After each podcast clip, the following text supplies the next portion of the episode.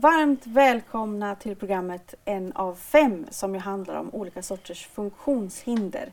Och idag handlar det om sjukdomen sömnapné som ju karaktäriseras av korta andningsuppehåll i sömnen. Och vi ska reda ut eh, vad det är för sjukdom, hur man upptäcker den och vad, som, vad det finns för behandling. Med oss i studion så har vi lungöverläkare med specialkompetens i sömnmedicin, Ritva Tamivara.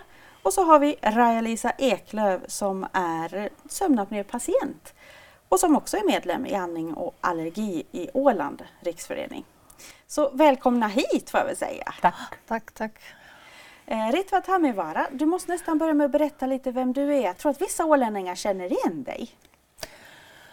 Nej, det, det gör de, tror jag faktiskt, rätt så många därför att jag har ju jobbat här sex och ett halvt år ungefär. Det var från 1996 till slutet av 2002. Och då gick jag ju sen pension, i pension från min tjänst. Men nu har jag jobbat som läkare och med sömnapneiker även efter det och jag har fortfarande lite mottagning faktiskt i Åbo. Och eh, jag har ursprungligen som ung så har jag först eh, blivit klinisk fysiolog i Uppsala. Sen har jag gjort min avhandling på sådana här andnings... Eh, problem med, mm, hos patienter med eh, tobaksskador kan man säga. Relativt krävande undersökningar i och för sig. Men då visste jag ingenting ännu om sömnapné och ingen annan heller kan man säga att det, var inte ett eh, aktuellt ämne alls på den tiden. Men det ligger ju som grund kanske för att jag sen när jag fick tillfälligt Eh, komma i beröring med sömnapné 1984 i Uppsala dit jag blev sedan efter att jag hade redan återvänt till Åbo.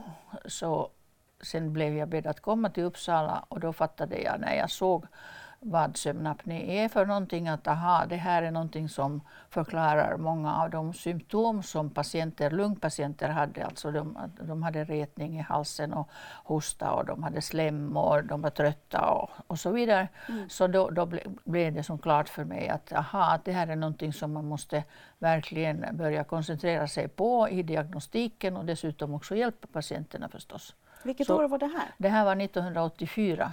Okay. Ja, och då återvände jag till Åbo, men sen var det nog en kamp överallt för att det här var nytt. Och då var ofta så var det något annat som överläkare. Jag var inte överläkare på den tiden, jag var mm. specialist men inte... Eh, så, så då var det alltid det att det var rätt mycket motstånd. Därför att alla var som rädda för att man tar resurser från deras eget område som kanske tuberkulosen eller lungsjukdomar och astma och så vidare. Så det var inte alls på det sättet. Det var inte så att välkommen att nu ska vi ge resurser, vi ska ge tjänster, mm. vi ska köpa äh, apparatur för diagnostik och så vidare. Utan det var alltid att man, man, fick, man fick verkligen känna att man kämpar för någonting som borde vara självklart att, att det ska komma in i sjukvården mm. som en jämställd sjukdom med andra. Men vi Men, måste börja med att berätta också, vad är sömnapné? Det är alltså, eh, man, nu när du nämner att det är korta andningsuppehåll så det är ju faktiskt inte nödvändigtvis korta andningsuppehåll. Alltså luftvägarna här i strupen kan man säga, i, bakom, alltså i svalget. Så där stängs luftvägarna. Och det kan variera väldigt mycket så att jag har haft patienter som har en och en halv minuts eh, slut på luftflödet. Oj. Så det är luftflödet som tar slut. An, eh, de här andningsrörelserna de fortsätter och försöker så att säga att få andningen igång igen. Men sen är det väldigt varierande på patientens egenskaper, alltså hur deras hjärna och hur deras andningscentrum fungerar. Hur mycket måste den här koldioxiden stiga? För den stiger ju då när det inte finns något luftflöde. Så den stiger ju då i kroppen. Och det är sen väldigt individuellt när det kommer igång så att det kommer ett väldigt kraft, äh, kraftigt äh, eller en kraftig inandning så att säga, mm. som, som sen kanske även väcker den här patienten och kommer den där snarkningen också då när luftvägarna plötsligt öppnas. Men det här kan alltså, det som anses vara sjukligt är om, om de här andningsstoppen är mer än 10 sekunder. Men som jag sa så kan det faktiskt vara en och en halv minut. Ja, det låter ju ja, helt och då otroligt. går, ja, och då går ju syret väldigt mycket ner och då börjar det också vara farligt när, det, när den, den sänker så mycket. Om man samtidigt då har till exempel hjärtsjukdom eller eh, har dåliga lungor. Och då är det ju ännu värre om det här syret går så mycket ner. Mm. Och sen just det här att det, det, är så varierande, det att, att hur den vaknar till det här andningscentrum mm. i, efter vilken koldioxidnivå. Men är det här en sjukdom man kan dö av då? I princip kan man äh, nog, och det säkert finns det sådana fall, som, för det är väldigt det finns en viss äh, ska jag säga, mängd människor som dör där på morgonnatten kan man säga. Mm. Och där blir det ofta så att man hittar ingenting. Man hittar inte någon hjärn eller hjärtinfarkt till exempel, men de bara har dött. Mm. Och, och, och, då kan det vara sådana orsaker också. Men att det ofta blir kanske diagnosen i sådana fall oklar. Varför?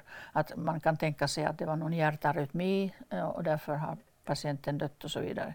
Mm. Men att, att det, eh, det, nu kan man säga att, att att det eh, verkligen kan vara även farligt för livet. Men de som håller på med det här vill ju ofta inte skrämma människorna. Mm. Och då kanske man skrämmer för lite därför att det är väldigt många som sen anser att det, det, det här gör ingenting. Att, det är lite snarkningar. Ja, det är lite snarkningar. Mm. Så det blir, mera blir det den att man, man, man, poängterar att, eh, att, nej, att man dör inte i det, men visst är det ju möjligt. Mm. Speciellt om det är så här långa andningsstopp och så vidare, så då går ju syret, den kan gå ner till 70 procent, när normalt är det ju 95 procent. Och när det här sker då många gånger, för det här återkommer ju i sådana här eh, faser så att säga, att man kan ha till exempel tio gånger det här. Och sen först blir det så att patienten vaknar så pass mycket och ändrar kanske kroppsläge. Och då kan det vara som nästan på normal nivå. Mm. Men sen återkommer det här igen. Och om det här då, sen finns det vissa som har det här hela natten, att det finns inga uppehåll överhuvudtaget utan det går hela tiden mellan 90 procent till kanske, det kan gå till 70 eh, procent, kanske mm. 60 i någon fall. Så jag menar det, det är väldigt varierande situationer mm. hos olika människor. Och det som är så speciellt och som kanske är lite farligt med det här då, det är att det är väldigt svårt att veta att man har det, för man sover ju.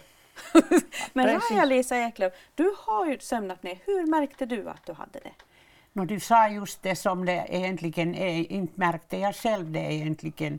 Det var nog den här sociala omgivningen som började säga att, att eh, maken sa att vad du snarkar och ungarna klagade att de kan inte sova när mamma, mamma det där snarkar så mycket. Och, och trötthet, visst var man trött men uh, heltidsarbete små barn, eh, vem är inte trött? Så att inte kopplar jag ihop den här snarkningen med, med sömnapné vid det skedet.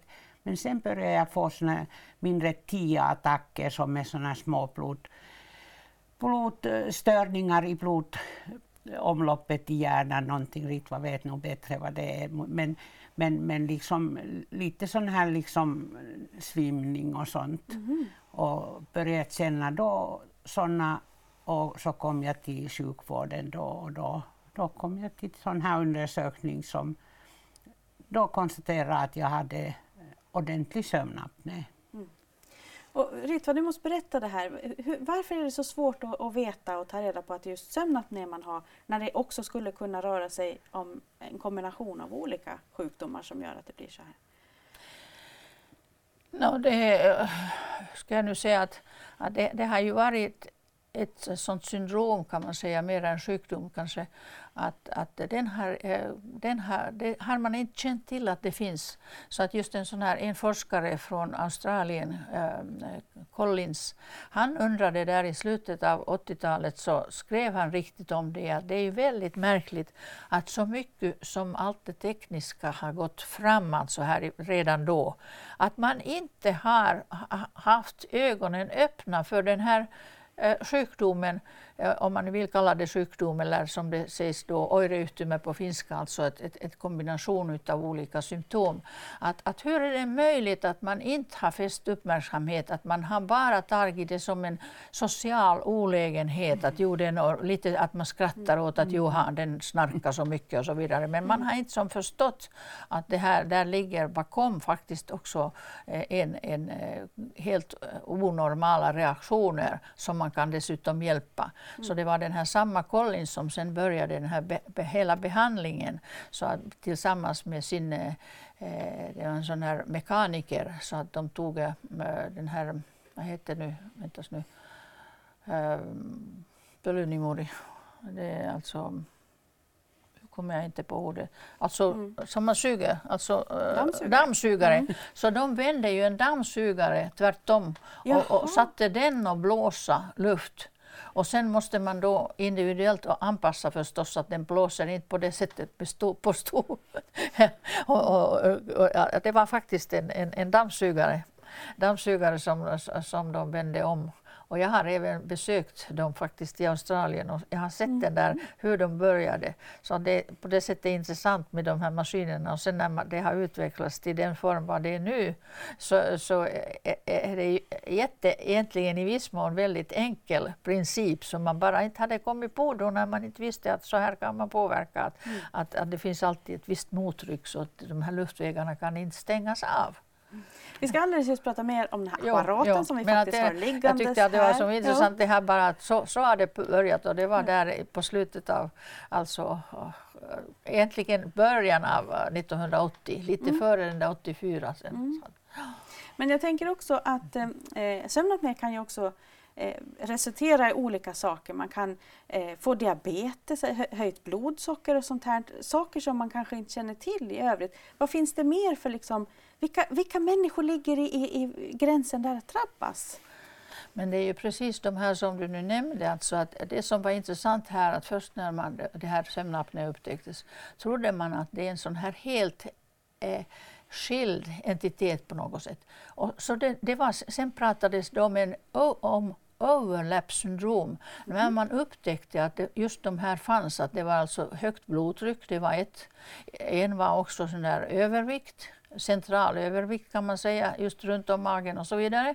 Och sen var det eh, så småningom ju att diabetiker har mera sömnapné och eh, eh, dessutom också vissa att, kanske att man måste gå och tömma blåsan rätt så ofta och allt det här. Och det, faktiskt, att det var, och dessutom att man kan ha eh, i samband med lungsjukdomar det här och då kallades det för överlapp som, som de går alldeles speciellt. Och nu vet alla att det är just i de här grupperna som det finns mera sömnapné, att de är riskgrupper så att säga. Det, det är inte så att varje diabetiker får det inte och varje som, alla som har övervikt har inte sömnapné nödvändigtvis. Men den, eh, det är mycket mer sannolikt att de kan ha det. Och så att nu talar man inte mer om det så att då börjar jag till exempel om man säger nu på på eh, finska så var det liitännäissairaudet så här att, att det är alltså att någonting som är till, det började jag använda där någon gång på 2000, efter 2000 mer och mer, att, att man ska komma ihåg att det som är det mest viktiga för att behandla patienterna, att undvika att de här sjukdomarna inte blir värre. Mm. Kan man säga att det är inte bara att man tar en, en, en enskild sak som man uh, behandlar, utan att det är just de här som man speciellt ska titta på, att har de, har de det här besväret eller inte. Eller det här som man kan, för det är ju en av de sömnstörningar som man kan verkligen man kan behandla den, man kan, man kan bota den totalt kan man säga om man bara anpassar sig till att det finns en behandling. Mycket enklare behandling kanske något, något annat att om man säger till någon att du ska magra, det är inte så lätt att magra mm. och, och, så vidare. Det, det, det, vet vi alla hur svårt det är. Så att säga. Så att på, på det, men det är att om det då finns en behandling också mm. och därför borde man ha ögonen öppna i samband med de här sjukdomarna som är vissa just risksjukdomar att ha det.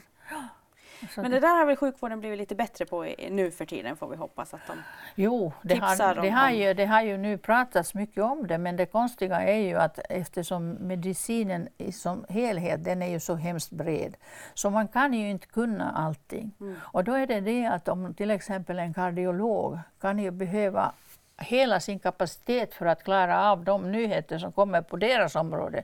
Så bland annat den gruppen är den som inte tänker, inte hit, så vidare jag vet, jag hoppas att jag inte nu skyller fel för det kan finnas i den gruppen också många olika. Men att de lite, de, eh, de, de anser det inte som vara så stor riskgrupp. Mm. Alltså, så det, det, har inte, på det sättet så är det stora skillnader i specialiteter hur mycket de tar det här på allvar och utesluter, för vilket jag vill, så, att man skulle som för säkerhets skull göra en eh, i och för sig kanske enkel undersökning men en viss kontroll, en sån här pulsoximetri där man mäter både syresaturationen och också pulsen.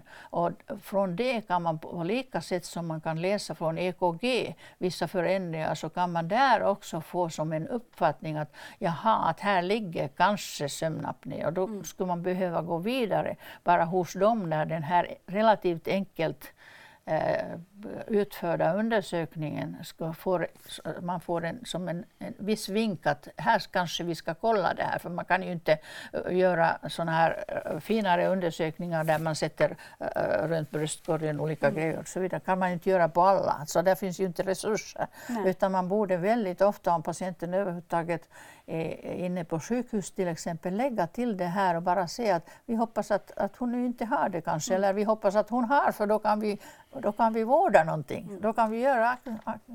Så att, att den har inte kommit, eh, det beror helt på, de börjar vakna till nu ska vi säga de som sköter till exempel diabetes, så de börjar redan mer och mer nu eh, in, jag rekommenderar att göra det, men att det, det, har inte alls spritt sig. Så det, det är orsaken just då. Sen å andra sidan också en specialitet som jag inte har nämnt hittills, det är ju neurologerna. Att de igen vet ofta inte så hemskt mycket om det kardiorespiratoriska, utan de är sen också så specialiserade i relativt nu för tiden sitt breda område att de har som inte resurser Mm. Nödvändigtvis. Vissa neurologer kan vara väldigt intresserade av det här, men om de inte är så att säga, intresserade av just sömn så då kanske de glömmer bort det helt och hållet. Kanske... Så det handlar om att se helheten egentligen? Ja, det borde vara någon som tittar lite Ja, just det. Och översikt. det borde ju vara alltså eh, just allmänläkarna där ju patienterna går eftersom det är billigt och tas hand om, eller borde i alla fall tas av mm. samhället så att säga att alla har möjlighet att få, få en sån här allmän bedömning. Men mm. tyvärr så har de inte heller kapacitet kanske i dagens läge att kunna allt mm. och för, så att säga ha ögonen öppna för det. Så det beror ofta också på attityder. Hur det är att vill man hitta det jag brukar säga ibland att, att man hittar, eller det, en, en, en, även en större auktoritet än vad jag är, som har sagt att det, man hittar bara det som man letar efter. Mm. Om du inte är intresserad och vill eh, så, så kan du helt enkelt strunta och jag, jag låter bli. Istället för att tänka att jag ska kolla för sig, lika väl som vi mäter blodtryck, man säger ju mm. att man ska mäta blodtryck eh, då och då. Lika väl skulle man kanske titta vad är det som händer under natten hos folk. För där händer vi, väldigt mycket. Vi måste prata om vad det är man gör. Och Raja-Lisa, jag tänkte du skulle berätta, hur gick det till när du gick och sökte för det här? Vad, vad fick du göra för undersökning? Ja, jag gick ju då eh, till sjukhuset förstås och, och där gjordes det sån här eh, undersökning som man mäter hur man beter sig i sömnen eller om man inte sover över natten. Och där ser man ju liksom stopperna och hela den här den tiden, det här är ju 25-30 år sedan, så det var väl just då när Rippa hade kommit hit som det gjordes så att nu idag finns det ju mycket finare undersökningsmöjligheter. Men sov du på sjukhuset Jag då? sov då på sjukhuset. Okay. För idag får man väl med sig någonting hem jo, som man provar? det är lite mm. annat idag. Så. Och, och då, där konstaterar man att jag hade ordentliga stopp på nätterna och, och de är ju förödande. Mm. Så, så sen så fick jag ju ordinerat sån här CPAP då som, som jag har sovit efter det och den följer med överallt. Hur, alltså från, jag vet inte om det kanske blir förändring direkt, men kunde du se en ganska direkt förändring? Det blir, det blir förändring direkt med det här med trötthet och, so, och sovande och det, det, är nog, det är nog så många bara våra medlemmar liksom bevistade att, att, att det är ju som, ja, det är som natt och dag. Mm, mm. När man liksom får sova en natt ordentligt. Och, och det är klart att inte det, alla, alla har ju inte så lätt att acceptera av många olika saker den här mm. C-pappen. Men att jag har inte haft tur nog något problem med det. Utan jag har värre det att om jag någonstans har tänkt att jag far över en natt på någon resa eller någonting, att jag is inte släpar det där med. Men det mm. kostar på nattsömnen. då blir det Vilket jag inte som läkare skulle ens rekommendera att man någonsin lämnar Nej. den, inte en enda natt om man har en svår... Ja. För eh, just att om, om, det, om man har långa andningspauser och om, om syre går väldigt mycket eh, ner som det då brukar göra, ju längre det är det dessutom gör det. Om man inte mera är ung, att det är ju en skillnad, om- ska vi säga om en 30-årig annars frisk man, eller, äh, vanligen är det inte kvinnan som i den åldern har det, men det kan ha, men alla, nu för tiden när det finns också mycket kraftigt överviktiga. Men vi ser nu att man har vissa eh, risker redan på grund av ålder. Då skulle jag inte riskera på det sättet att jag skulle inte lämna i ditt fall, inte en enda natt alltså.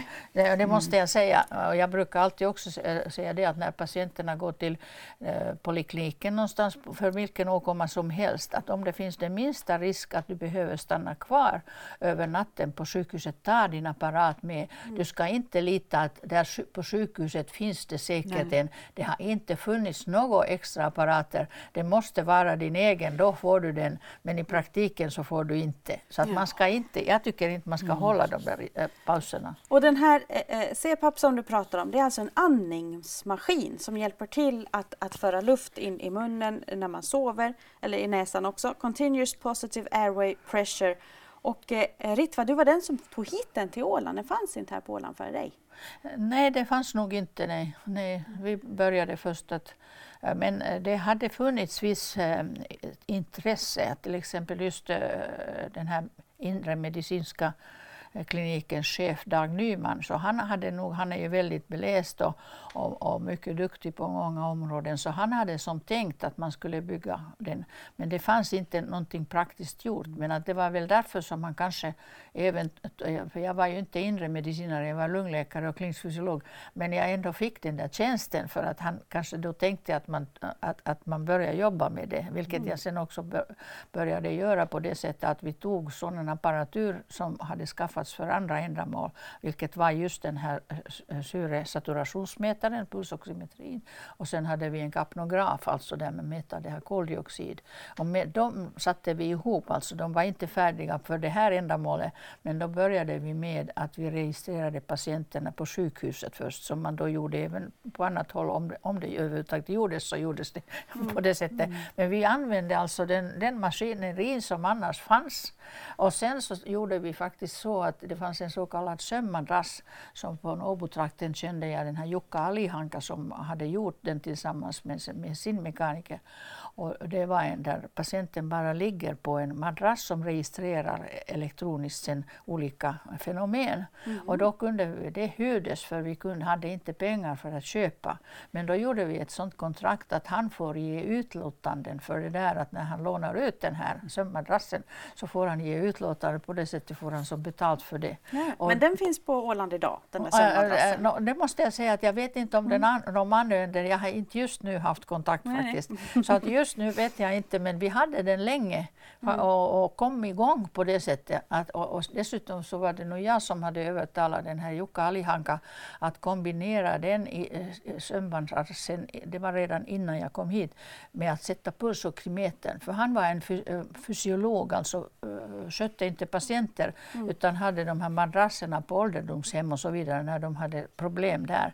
Så, så den hade funnits som sådan. Men sen när man skulle använda det för lungor och hjärta och sånt så var det ju viktigt att ha syre med också i mätningarna.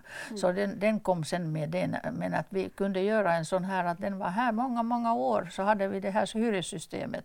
Och sen så började vi ta de här behandlingsapparaterna också förstås när vi fann fall så behövde det.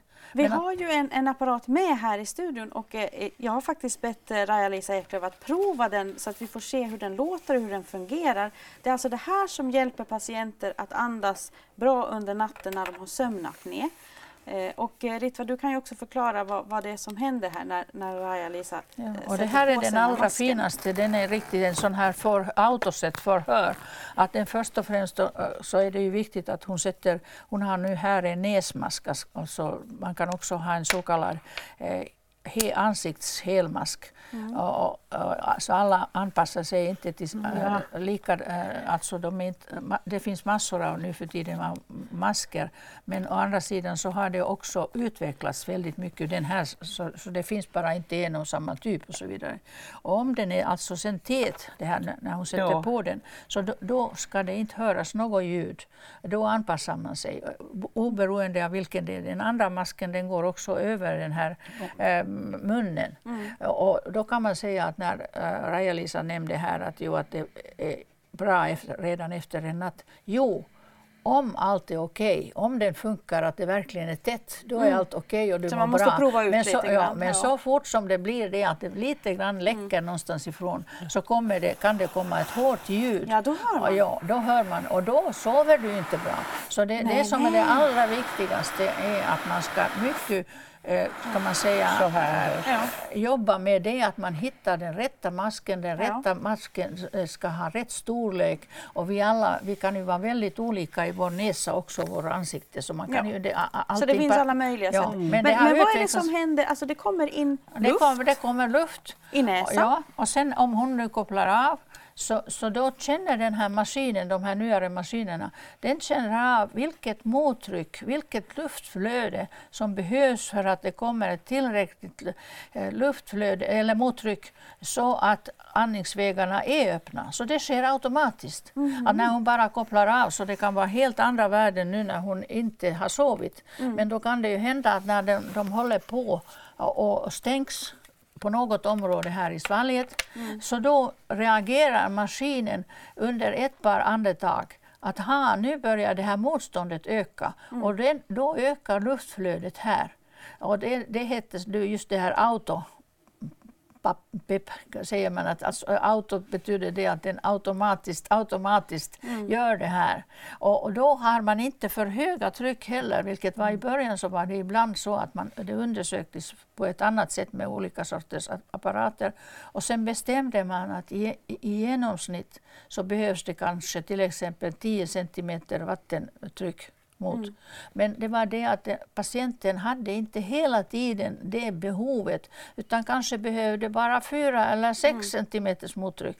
Och då blev det mera problem. Men efter att de här apparaterna har utvecklats till att den gör det här jobbet, att de har en fin sån här teknisk utveckling där, mm. att, att de, kan som, de känner för, aha, nu det börjar varierar det. varierar. Ja. Mm. Och då blir inte sådana problem heller med det här att det skulle komma från litet hål någonstans Nej, och ge det här ljudet och väcka patienten och så vidare. Så att, att de här, och det här är nu gjort för att eh, kvinnorna har ju ofta kan man säga, de har inte lika svåra äh, eller lika långa äh, riktiga andningsuppehåll utan bara en liten tendens till avstängning av luftrören. Och därför är det här att det förhör, att den sorten, man trodde först att det är bara kvinnorna som, som har den sortens reaktion att de vaknar lättare, att de har, mycket, mm. de har bara lite, lite tendens att nu kommer det att stängas men sen vaknar Men so, de sover ändå dåligt, de sover ofta sämre än de som verkligen som,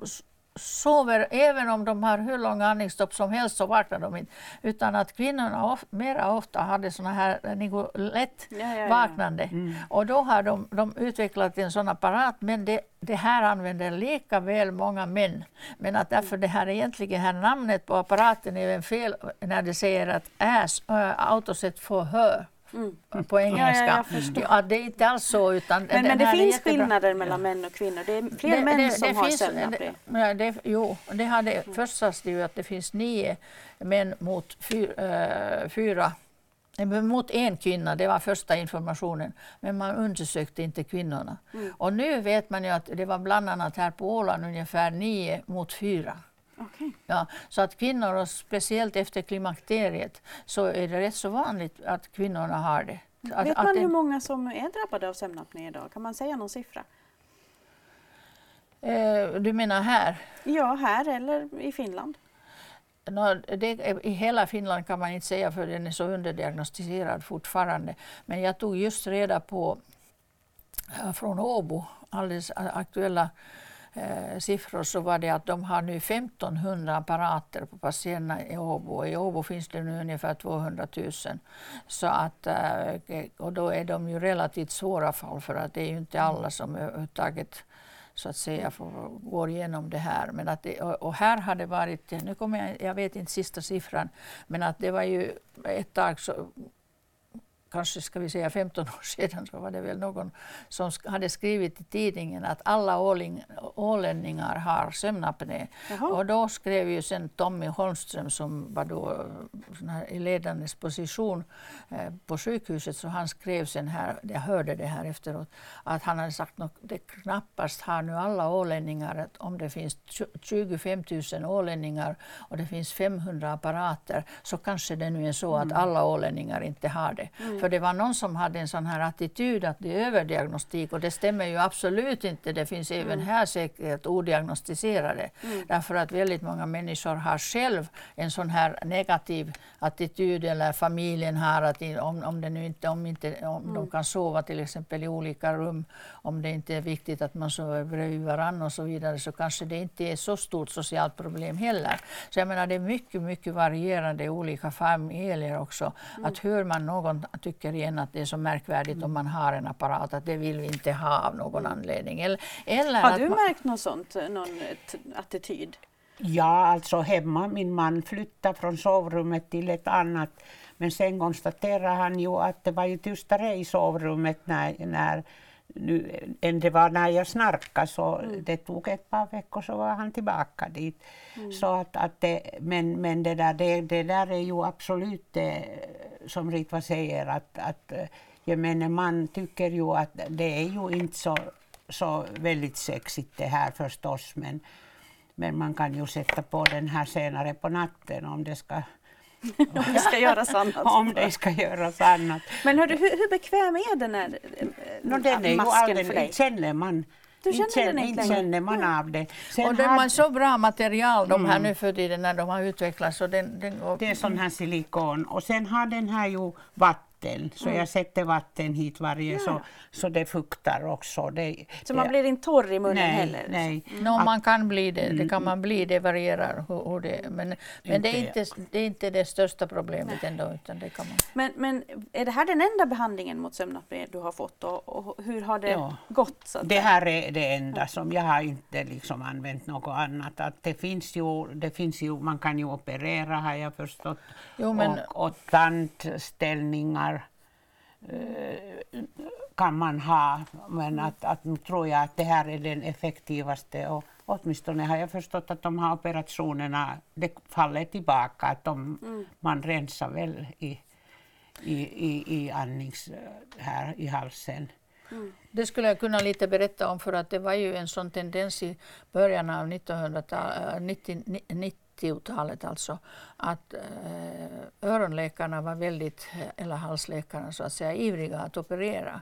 Och det är klart man, mot snarkning hjälper det, men sen var det många som hade sin sömnapné kvar. Mm. Och då fanns det inget varnande tecken mera.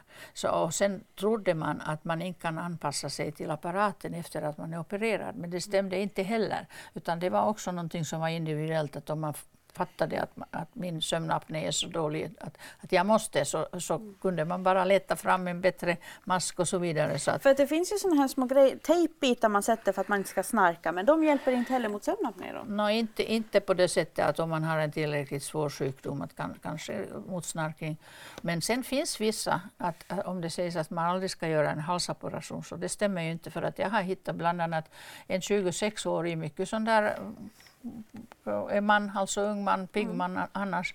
Han hade så stora tonsiller att bara man tog bort dem så, så han hade haft upprepade infektioner i halsen. Mm. Och då hade det ansamlats viss sån här, ska vi säga bakteriemassa i de där tonsillerna. Mm. Och, och, och, det hjälpte. Så man, du borde, varje läkare borde alltid titta i strupen också. Och dessutom hos barn så kan det vara just de här, och, och i svalgen kan det finnas så mycket lymfatisk vävnad att, att hos dem kan det också hjälpa. Det är klart, då går man inte kanske opererar, men då tar man apparaten eh, till hjälp så länge tills de växer upp. Ja, Så att jag menar Men att det, finns barn som har sömnapné också? ja, det finns Ja. det sådana som man tror att de har andra störningar, att de, Mm. de kanske inte koncentrerar sig och de eh, så att säga, är oroliga på något sätt och klarar inte av kanske skolan så bra och så vidare. Orsaken kan vara sömnapné. Mm. Men nu har vi alltså en, någon slags behandling här som fungerar, men kan man säga att man blir frisk från sömnapné någon gång? Nå mera sällan ifall det nu inte sen, om inte någon råkar vara sådan där, där den där övervikten verkligen är sådan att den...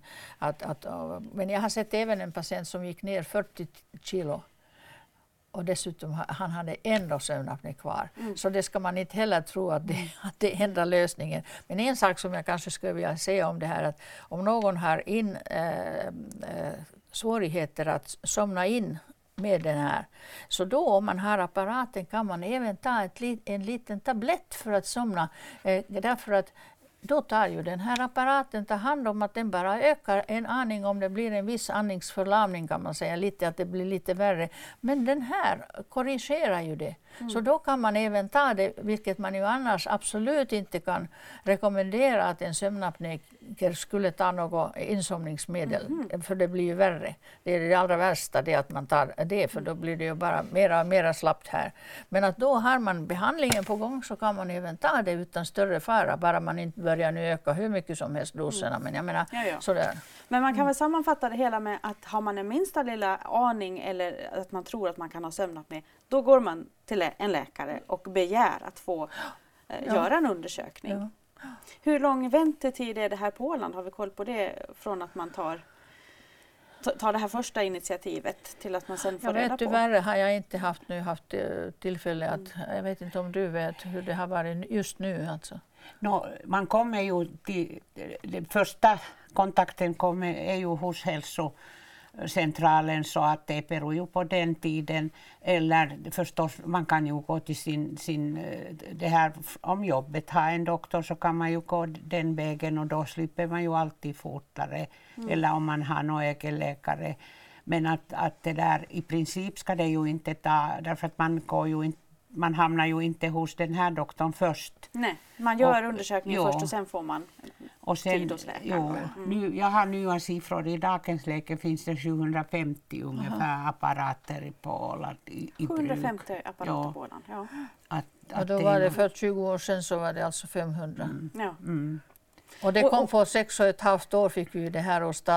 För det var, jag hade väldigt många trevliga sköterskor som också hade rätta attityden till det här så de hjälpte till att man skulle aldrig ensam ha kunnat, kunna göra allt det där för det var så pass nytt så man måste ju vara tidigt där på morgonen ta vissa blodprover också, ta, till exempel titta på syretensionen och så att hur det stämmer med den övriga eh, mätmetoderna där. Och dessutom också sent på kvällen när man påbörjade så där vi var väldigt aktivt med där och det behövdes också en, en, en, en här, eh, det var, råkade vara en manlig, manlig eh, Harry Hycker som, som så att säga gjorde mer det tekniska som behövdes om det var någonting så vi var verkligen vi var en väldigt Det var en bra apparat grupp. kan man säga. Ja, det var en som en grupp, grupp Ja. som jobbade Tillsammans, och därför ja. fick vi det gjort så att säga mycket bättre än på annat håll. Där det.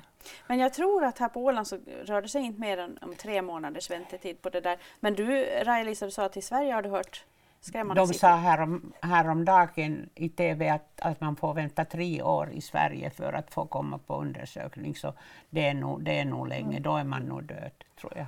Men så var, det, så var det faktiskt på den tiden i början på 18, eh, 1980-talet menar jag, och i början av 90 nu att det kunde vara att patienterna fick först vänta i, ska vi säga nu ett år eller ett halvt år för att komma till diagnostiken. Och sen trots att de hade fått sin riktigt en svår uh, sömnapné-diagnos kunde de få vänta två år innan de fick apparaten. Mm. Och, och, och det berodde delvis på att det fanns inte pengar för de- det ansågs att det här är rehabilitering och inte att det är vård. Och, och, och då fick de inte pengar. Så då var det alla olika specialiteter som kämpade om de här eh, resurserna. Och då, tog det, så då var det minst ett år innan du kunde ens begära att vi behöver de här. Och sen innan de sen kom. Så det var ju alldeles förfärligt enligt mig, mig, mig som läkare att jag tänker att jag vet att, att det, hon är sjuk eller han är sjuk, mer var det han då på den tiden när kvinnorna inte ens undersöktes så mycket. Men i alla fall att, att tänka att någon måste vänta två år för att få en, en behandling. Vi får vara tacksamma för vården på Åland idag Mm. helt enkelt och, och allt vad till exempel då du Ritva har, har gjort för att föra den här apparaten till Åland. Verkligen. Ja. Och som sagt var, har man minsta eh, orsak till bekymmer kring sömnapné, då hör man av sig till sin läkare. Och så, ja, jag vet att man får göra en undersökning säger man ifall de inte börjar Ja. tänka på det där. Jo, jo det, man måste ta upp själv Mm. den frågan. Att det ska man inte tro att, att, att inom sjukvården, när Att man ändå vet. har, man har så många olika problem att tänka på där. Så att, och, och när även någon som är hur mager som helst kan ha den ändå. Så det är inte bara det här övervikten. Så det, man ska inte heller börja från att säga att du ska magra, magra först och sen undersöker vi. För att det, det är inte den vägen man ska gå utan man ska, få sin, man ska bli först diagnostiserad, man ska få sin behandling. Om man sen blir så mycket bättre och så my- mycket mer energisk att man orkar börja med fysisk träning och så vidare så det är bra. Men det är den vägen man ska gå. Man ska inte sätta det som gräns. Och det här har jag exempel på hur illa det har gått när man säger att vi undersöker först när du har magra. De orden får nästan bli de sista om inte Raja-Lisa hade något att tillägga. Allra jag skulle sist. ha så tillvida tillägga att, att vi i andningsföreningen skulle ju gärna börja med en sån här eh, grupp som kan diskutera om, om man har problem med sömnapné eller att man tror att man har sömnapné. Så den som är intresserad så kan ta kontakt med Handikappförbundet där i receptionen så vet flickorna hur man går tillväga. Och efter nyåret tror jag nog att vi ska ha igång en, en grupp. Fint, lycka till med det. Tack. Och tusen tack för att ni gästade en av fem idag. Alltså Ritva Tamivara som är lungöverläkare med specialkompetens i sömnmedicin.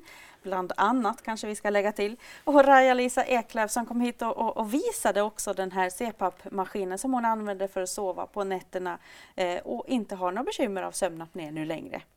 Tusen tack för att ni kom hit och tusen tack för att ni har tittat och lyssnat på en av fem idag. Jag heter Josefina Jansson och vi hörs om ungefär en månad igen.